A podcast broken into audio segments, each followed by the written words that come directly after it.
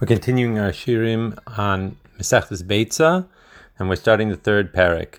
This shir is in the schus and ilui neshama of Rab Aaron ben Rab Yeshua Shneir Zalman. The third chapter begins, Ein tzadim dagim min habibarim biyom tov. We're not allowed to trap fish in a pond or an enclosure on Yom Tov, since this is one of the malachas that are not allowed with regards to uh, getting food together. There are three malachas that are allowed, namely cooking, baking, kneading. However, grinding and hunting are not considered uh, be allowed.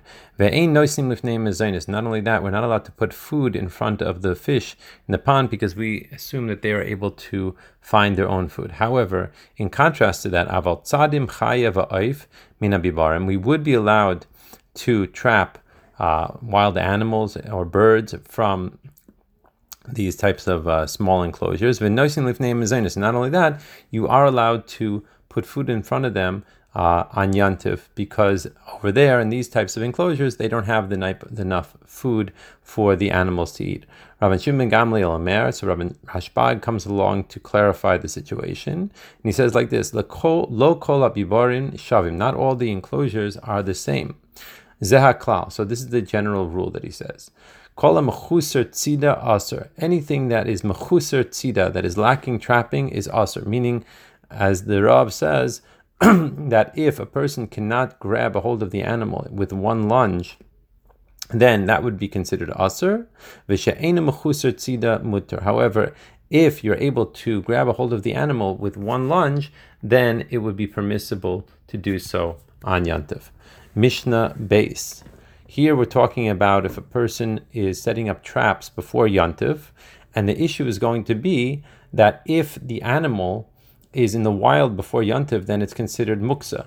So therefore, if it becomes trapped during Yantiv, it was already muksa, and therefore you shouldn't be able allowed to use it. However, it's possible that it was trapped before Yantiv. So this is the issue that we're going to be dealing with. Metzudas chayav dagim. So traps for wild animals, for birds, for fish. Shasan me'erev yantif that were set up before yantif. So the Mishnah says, Lo yitol mehen b'yomtiv. You're not allowed to take them on yantiv. Ela imkein yodea shenitzado be'erev yantiv. You're not allowed to take them on yantiv unless you know for sure that the animal was caught before Yantif.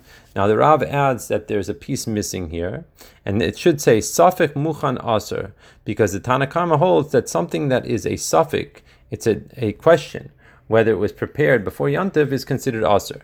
And Rabban Gamliel, however, matir. Rabban Gamliel allows you to do it. And then the next part of the Mishnah continues and tells a whole story with Rabban Gamliel. ben There was a story with a particular non-Jew.